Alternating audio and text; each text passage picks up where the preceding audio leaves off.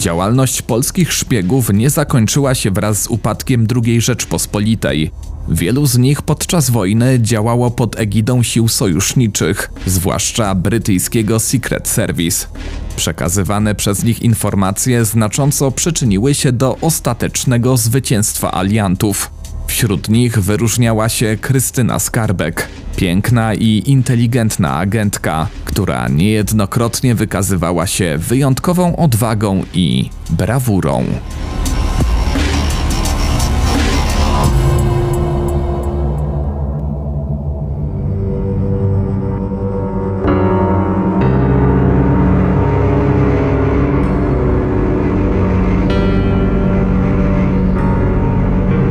Opowiem Ci historię. Kamil Barnowski. Zapraszam. Pamiętajcie, że archiwalne zdjęcia związane z omawianą sprawą będą dostępne na Instagramie kanału Opowiem Ci historię.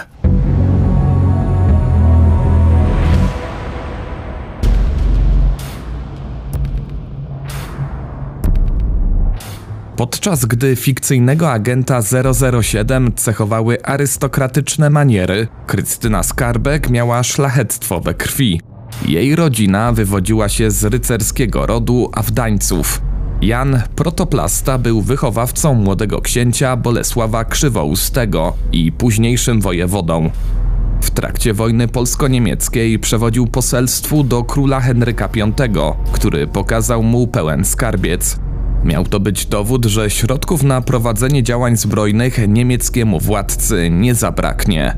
Jan zdjął z palca drogi pierścień i dorzucił do kosztowności, stwierdzając, że Polacy wolą żelazo. Od tego momentu nazywano go Skarbimirem lub Skarbkiem. Krystyna urodziła się w 1908 roku. Miała starszego brata Andrzeja. Jej matka Stefania Goldfeder była Żydówką, pochodzącą z zamożnej rodziny łódzkich bankierów. Do małżeństwa wniosła znaczący posag. Majątek znajdował się w Trzepnicy. Dwukrotnie ochrzczona Krysia miała w przyszłości wieść podwójne życie. Uroczej hrabianki i agentki brytyjskich służb specjalnych.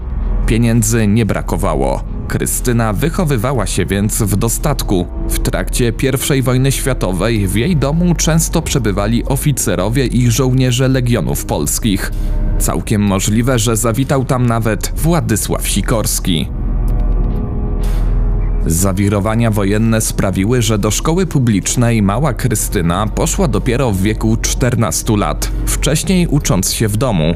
Była dobrą, choć niesforną uczennicą, zbyt żywiołową, żeby łatwo poddać się szkolnemu rygorowi. Miała jednak talent do języków, szczególnie francuskiego, który poznała biegle. Nieźle rozumiała też angielski, odrobinę węgierskiego i włoski. Od małego była też miłośniczką koni. To w stadninie poznała swojego przyszłego partnera i współpracownika, Andrzeja Kowerskiego. Ale wiejska sielanka skończyła się wraz z problemami finansowymi. Jej ojciec Jerzy nie był typem biznesmena, a wystawne życie zakończyło się długami. Skarbkowie musieli sprzedać majątek i wyprowadzić się do Warszawy. W 1930 roku ojciec Krystyny zmarł na gruźlicę. Młoda hrabianka musiała zapomnieć o swoim statusie i pójść do pracy. Zatrudniła się w luksusowym salonie samochodowym polskiego Fiata. Samochody były dobrem ekskluzywnym, a klientelę stanowili głównie ludzie zamożni. Wśród nich znalazł się Gustaw Getlich z bogatej rodziny pabianickich przemysłowców. Wybranek Krystyny miał niemieckie pochodzenie, a ona była w połowie Żydówką. Małżeństwo, które 10 lat później wydawałoby się nie do pomyślenia, doszło do skutku 20 kwietnia 1930 roku.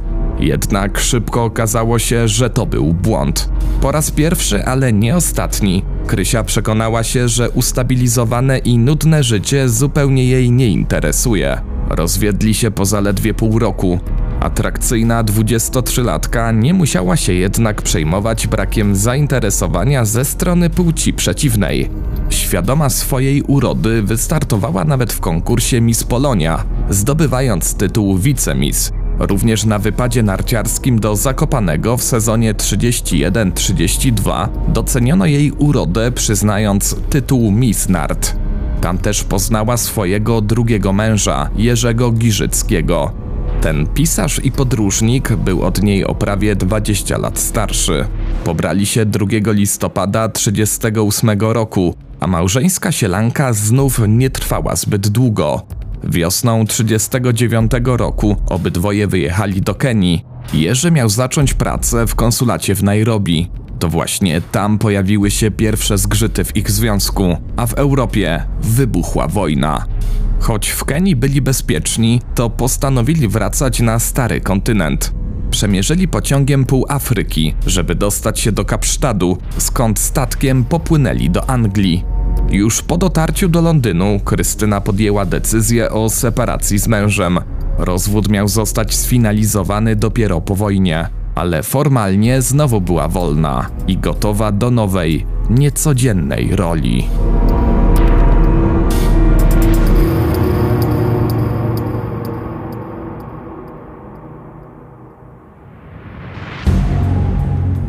Secret Intelligence Service, czyli brytyjska służba wywiadowcza, powstała w 1909 roku. W latach 20. SIS przemianowano na MI6. W okresie międzywojennym prowadziła liczne działania na terenie Europy Środkowej, także w Polsce. W połowie lat 30.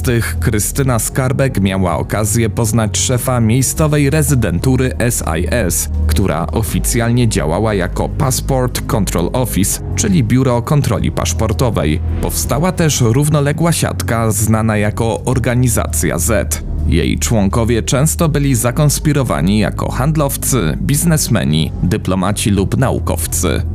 Głównym obiektem zainteresowania brytyjskiej agentury była oczywiście Trzecia Rzesza, ale działanie z państw ościennych było bezpieczniejsze.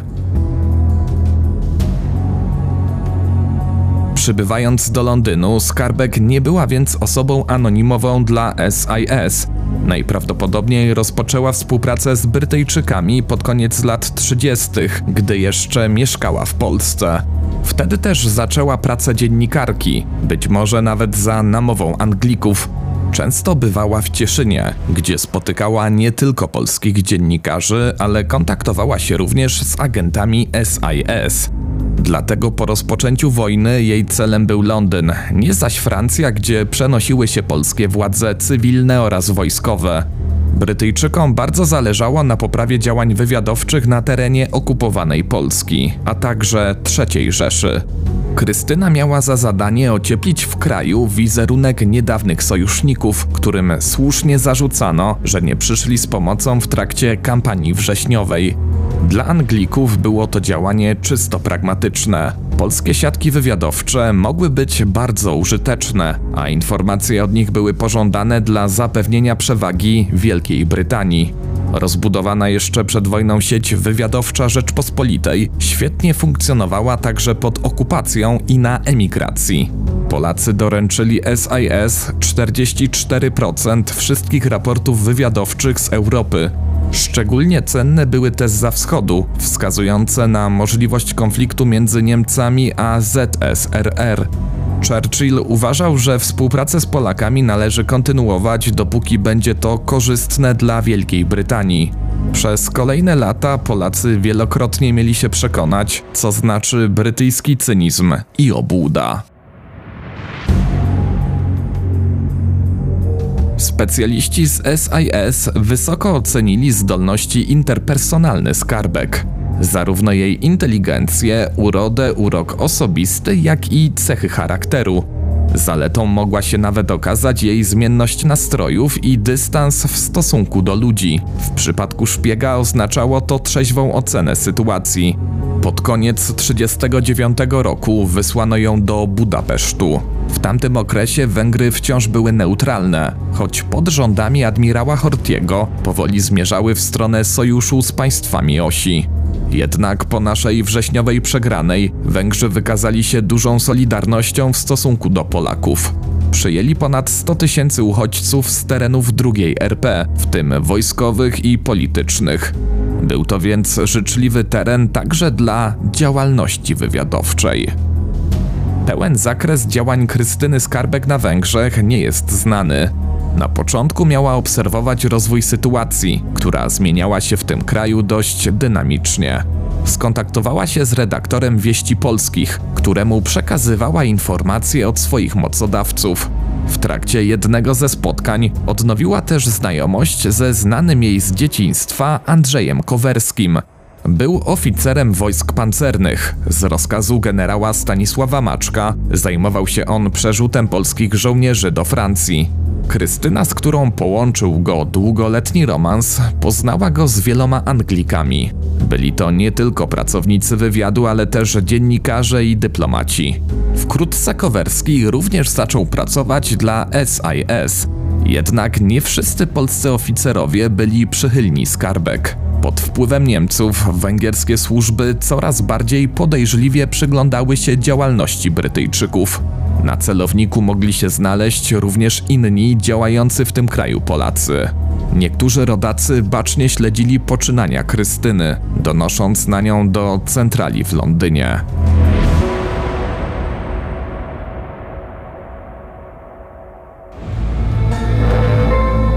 Na początku lutego 1940 roku przedostała się przez zieloną granicę do okupowanej Polski. Warunki pogodowe były trudne, ale Skarbek była zdeterminowana, aby wykonać misję.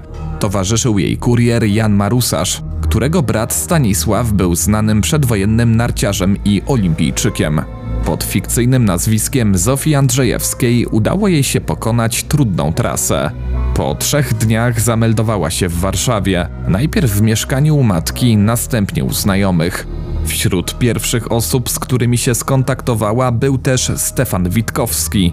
Ten zdolny inżynier i wynalazca był twórcą pierwszej konspiracyjnej organizacji szpiegowskiej o nazwie Muszkieterzy. Na początku wojny przekazywał Skarbek informacje, które trafiały do SIS. Dla niego było to budowanie prestiżu w oczach Brytyjczyków. Już wtedy zarysowała się jego rywalizacja z pozostałymi organizacjami konspiracyjnymi. Zdaniem niektórych autorów przekazywał do Secret Service kopie meldunków z terenów Rzeszy, podpisywane jako GB Scott. Kurierzy muszkieterów docierali przez Budapeszt do Francji, Szwajcarii i Rumunii. Była to bardzo dobrze zorganizowana siatka wywiadowcza. Łączniczką między muszkieterami a SIS była także Krystyna Skarbek. Na początku wojny Anglików bardzo interesowały przekazywane przez organizację raporty z terenów ZSRR. Witkowskiego zgubiły jednak nadmierne ambicje. Podjął współpracę ze Związkiem Walki Zbrojnej, a następnie Armią Krajową, ale w rzeczywistości nie zamierzał się podporządkowywać. W 1941 roku uznano go za zdrajcę w związku z powiązaniami z niemieckim wywiadem. Jego współdziałanie z Abwerą na wschodnich terenach Rzeczpospolitej zajętych przez Sowietów odbywało się początkowo za wiedzą i zgodą Związku Walki Zbrojnej. Istnieją jednak przypuszczenia, że Witkowski wspólnie z marszałkiem Rydzem Śmigłym starał się wynegocjować jakieś porozumienie z III Rzeszą. Dowództwo AK skazało go na śmierć a wyrok wykonano 18 września 1942 roku. Podczas swojego pierwszego pobytu Krystyna kontaktowała się również z redaktorami pism należących do PPS, ustalając jak będzie przebiegać łączność radiowa. Pierwszy pobyt trwał 5 tygodni. Powrót do Budapesztu oznaczał kolejne niebezpieczeństwa. Górami wzdłuż niemieckich posterunków należało przedostać się na słowacką stronę. Cała przeprawa trwała 3 dni.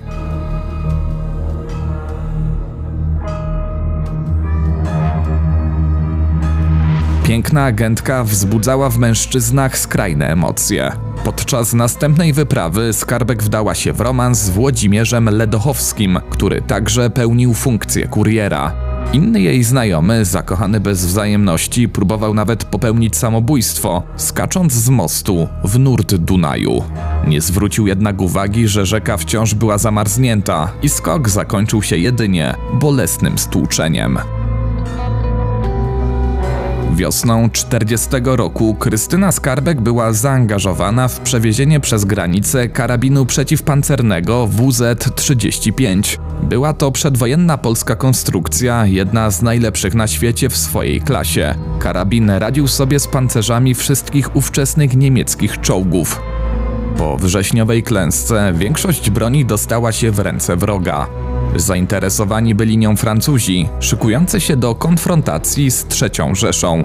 Ostateczny udział skarbek w tym przedsięwzięciu pozostaje niejasny. Na Cekwanę karabin przywiózł bowiem inny kurier, kuzyn Andrzeja Kowerskiego, hrabia Ludwik Popiel.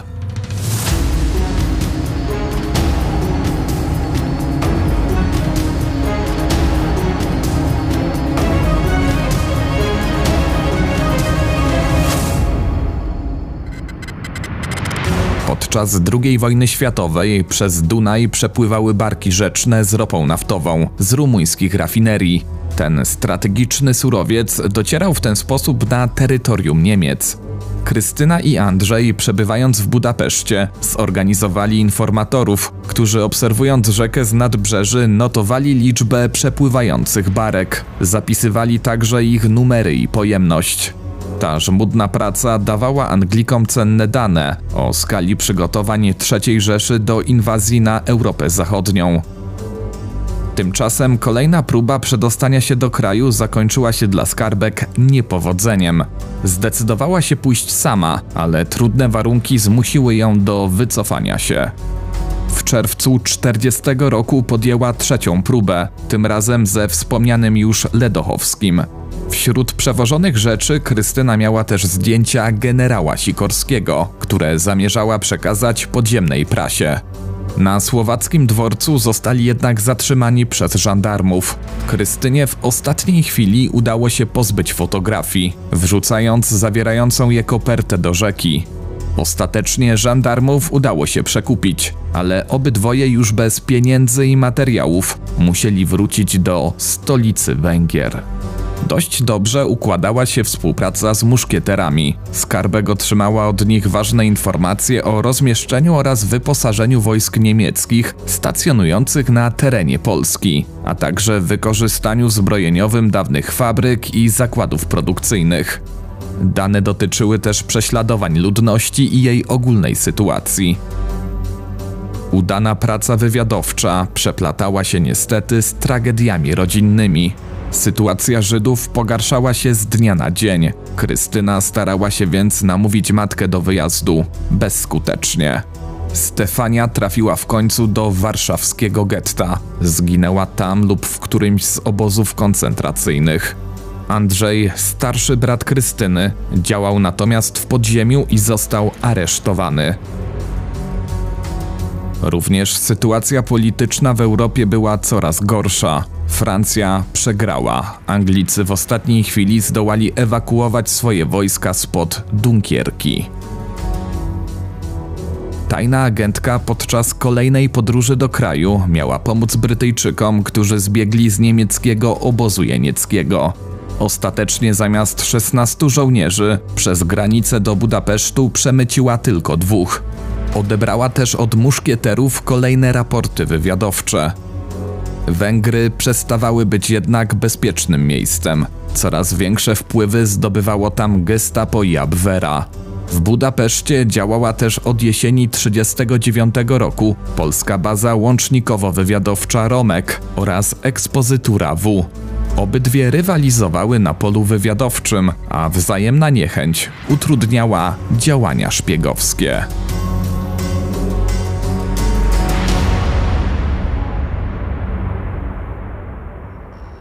Węgry ostatecznie przystąpiły do państw osi. Brytyjczycy zaczęli wycofywać z tego terenu swoich ludzi. Skarbek i Kowerskim zaczęła się interesować tamtejsza policja. W styczniu 1941 roku zostali aresztowani i przewiezieni na komisariat. W przesłuchaniach brali udział gestapowcy. Obydwoje uparcie zaprzeczali zarzutom o szpiegostwo. Grożono im ekstradycją do Niemiec, co mogło oznaczać brutalniejsze traktowanie, włącznie z torturami i śmiercią. Krystyna zdecydowała się na podstęp. W trakcie kolejnego przesłuchania ugryzła się w język i plując krwią stwierdziła, że to gruźlica. Jej wersję potwierdził zaprzyjaźniony lekarz. Choć zostali zwolnieni, nadal pozostawali pod obserwacją. Należało uciekać. Ukryta w bagażniku samochodu brytyjskiego ambasadora na Węgrzech, Krystyna przekroczyła granicę z Jugosławią. Wystawiono jej również fałszywe dokumenty na nazwisko Christine Granville. Para agentów znalazła się w Belgradzie na początku 1941 roku. Po dotarciu do stolicy Jugosławii obydwoje zostali przydzieleni do nowej służby specjalnej brytyjskiego wywiadu Special Operation Executive. Nie pozostali jednak zbyt długo w nowym miejscu. Jugosławiański rząd wkrótce przystąpił do hitlerowskiego Paktu Trzech. Dwa dni później, przy aktywnej pomocy SOE, doszło w kraju do zamachu stanu. Nowe władze wycofały się z sojuszu z III Rzeszą i było oczywiste, że wywoła to reakcję Berlina. Wielka Brytania nie była w stanie temu skutecznie przeciwdziałać. Na początku kwietnia Krystynę i Andrzeja ewakuowano poprzez Bułgarię do Stambułu. Tuż przed opuszczeniem Belgradu odebrała jeszcze ostatnią przesyłkę od muszkieterów. Były to mikrofilmy, które zdołała przejrzeć dopiero w Sofii. Materiały okazały się niezwykle istotne. Prezentowały duże zgrupowania wojsk niemieckich na granicy ze Związkiem Radzieckim. Natychmiast dostarczyła je swoim przełożonym, którzy przekazali je dalej aż do Winstona Churchilla. Były to jedne z pierwszych danych potwierdzających przygotowania III Rzeszy do inwazji na ZSRR. W Stambule doświadczony agent major Harold Gibson stworzył prawdziwe centrum brytyjskiego wywiadu. Dla Skarbek i Kowerskiego nie był to jednak punkt docelowy. Ich droga prowadziła dalej, przez Syrię aż na Bliski Wschód do Palestyny. Z Jerozolimy skierowano ich szybko do Kairu. Ze strony obecnych w Egipcie polskich wojskowych spotkali się z rezerwą i podejrzliwością. Nieufność budziły wcześniejsze kontakty z Witkowskim i muszkieterami. Nie dowierzono też, że dwójce agentów tak łatwo udało się wydostać z Belgradu. Doszukiwano się więc kolaboracji z niemieckim wywiadem. Brytyjczycy początkowo zerwali dalszą współpracę z tą dwójką. Jednak krótko potem przywrócono ich do służby i powierzono misję w syryjskim Aleppo. Mieli dokonać rozpoznania mostów na Eufracie. W razie gdyby Turcja dołączyła do państw osi, Anglicy planowali je wysadzić, przeciwdziałając wkroczeniu Niemców do roponośnego Iraku. Jednak przez kolejne dwa lata Brytyjczycy nie angażowali skarbek w żadne istotne działania.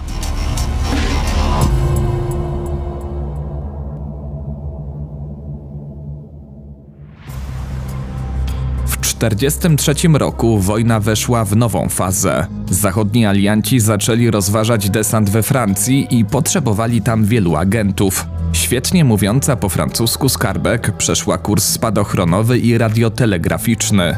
We Francji miała funkcjonować jako Polinarmo. Kowerskiego przeniesiono znów do Włoch. Skarbek z algierskiej bazy została przerzucona na południe kraju w nocy z 6 na 7 lipca 1944 roku, a więc miesiąc po desancie w Normandii. Lądowanie odbyło się na płaskowyżu Vercors w pobliżu miejscowości Vassieux. Działało tam silne zgrupowanie partyzanckie, które drogą powietrzną zaopatrywano w broń. Partyzanci utworzyli tam nawet niezawisły przyczółek nazywany Republiką Vercors. Jego zaletą były warunki terenowe, czyniące z niego rodzaj twierdzy. Jednak nadzieje, że niemieckie wojska zaangażowane w walki na północy kraju nie podejmą żadnych działań zbrojnych, okazały się płonne. Gdy przybyła Krystyna, walki trwały. Wyznaczono ją na szefa propagandy dywersyjnej. Do jej działań należało wizytowanie lokalnych partyzanckich komórek i siatek agentów oraz ustalanie z nimi dalszych działań. Przeprawiała się także do Włoch, gdzie kontaktowała się z tamtejszymi partyzantami. Było to istotne zadanie. Mieli oni bowiem angażować niemieckie wojska podczas lądowania aliantów w południowej Francji. Gestapo wyznaczyło za nią wysoką nagrodę, ale mimo wielu kontroli Skarbek zawsze udawało się wyjść cało z problematycznych sytuacji. Chociaż rebeliancka republika upadła, to partyzanci działali dalej. Krystyna brała udział w wielu akcjach dywersyjnych, w tym atakach na składy amunicji czy garnizony wojskowe lub wysadzaniu mostów. Zbierała też dane o ruchach wojsk nieprzyjaciela. Zdołała nawet przekonać około 2000 żołnierzy Wehrmachtu stacjonujących na alpejskiej przełęczy do dezercji. Pomógł nie tylko jej urok osobisty i siła argumentów, ale też fakt, że dezerterzy byli w większości Polakami ze Śląska czy Pomorza. Jednak najbardziej brawurową akcję podjęła w sierpniu 1944 roku. W niemieckim więzieniu znalazło się trzech ważnych agentów SOI, Skarbek, działając odrobinę samowolnie, skierowała się wprost do prefekta policji, Szneka. Podała się nie tylko za żonę jednego z pojmanych, ale nawet siostrzenicę marszałka Montgomery'ego. Ujawniła też, że jest brytyjską agentką. Jej ryzykowna kalkulacja okazała się opłacalna. Sznek był świadomy, że niedługo nastąpi desant wojsk amerykańskich i przyjął ofertę. Prefekt skontaktował się z Belgiem Maxem Wamem, który był tłumaczem przy miejscowej komendzie Gestapo, gdzie przetrzymywano więźniów. Skarbek osobiście zagwarantowała Belgowi bezpieczeństwo, gdy odda się w ręce Brytyjczyków i uwolni aresztowanych. Wam wyprowadził ich z więzienia ku bramie wyjściowej, gdzie czekał już podstawiony samochód. Grupa bez problemu przedostała się do najbliższej kryjówki partyzantów, a niedługo potem cały region zajęły wojska amerykańskie. Działalność agenturalna Krystyny Skarbek we Francji dobiegła końca. Po siedmiotygodniowym pobycie wróciła na początku września do Anglii. W tym czasie w Warszawie trwało powstanie. Krystyna poprosiła o przydział do misji na terenie Polski, ostatecznie jednak musiała pozostać w Londynie. Na początku stycznia 1945 roku wyleciała do Kairu, gdzie podjęła pracę w Wydziale Dyslokacji Kwatery Głównej Sił Międzynarodowych. Tam doczekała końca wojny. Mimo sporych zasług dla brytyjskiego wywiadu, jedyne na co mogła liczyć to 100 funtów odprawy i podziękowania od samego Churchilla, który podobno nazwał ją swoim ulubionym wywiadowcą. Otrzymała także wiele odznaczeń, w tym od francuskiego ruchu oporu. Żeby zarobić na życie, podejmowała się różnych prac, m.in. pokojówki czy kelnerki. Nie mogła też znaleźć dla siebie stałego miejsca. Powrót do kraju nie wchodził w grę, ale w Londynie też długo nie została.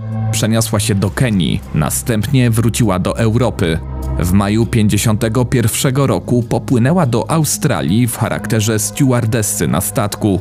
Tam właśnie poznała Denisa Maldauneya.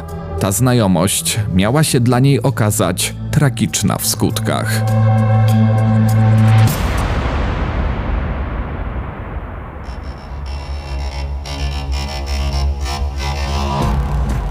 Krystyna Skarbek nie była typem uwodzącej mężczyzn femme fatale, a jednak czasem wbrew swojej woli przyciągała ich jak magnes.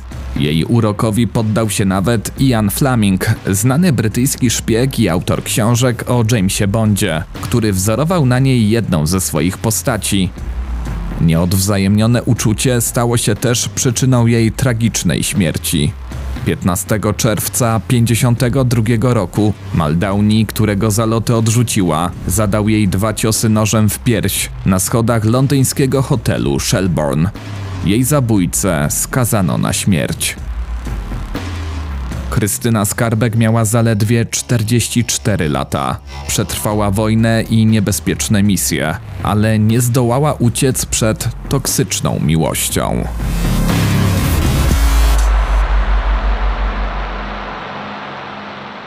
Jeśli spodobał Ci się ten odcinek, proszę oceń podcast Opowiem Ci historię w serwisie Spotify. Dzięki temu poruszane tutaj historie będą mogły dotrzeć do większego grona odbiorców. Z góry dziękuję. Pełna lista źródeł, na podstawie których powstał ten materiał, znajduje się w opisie odcinka.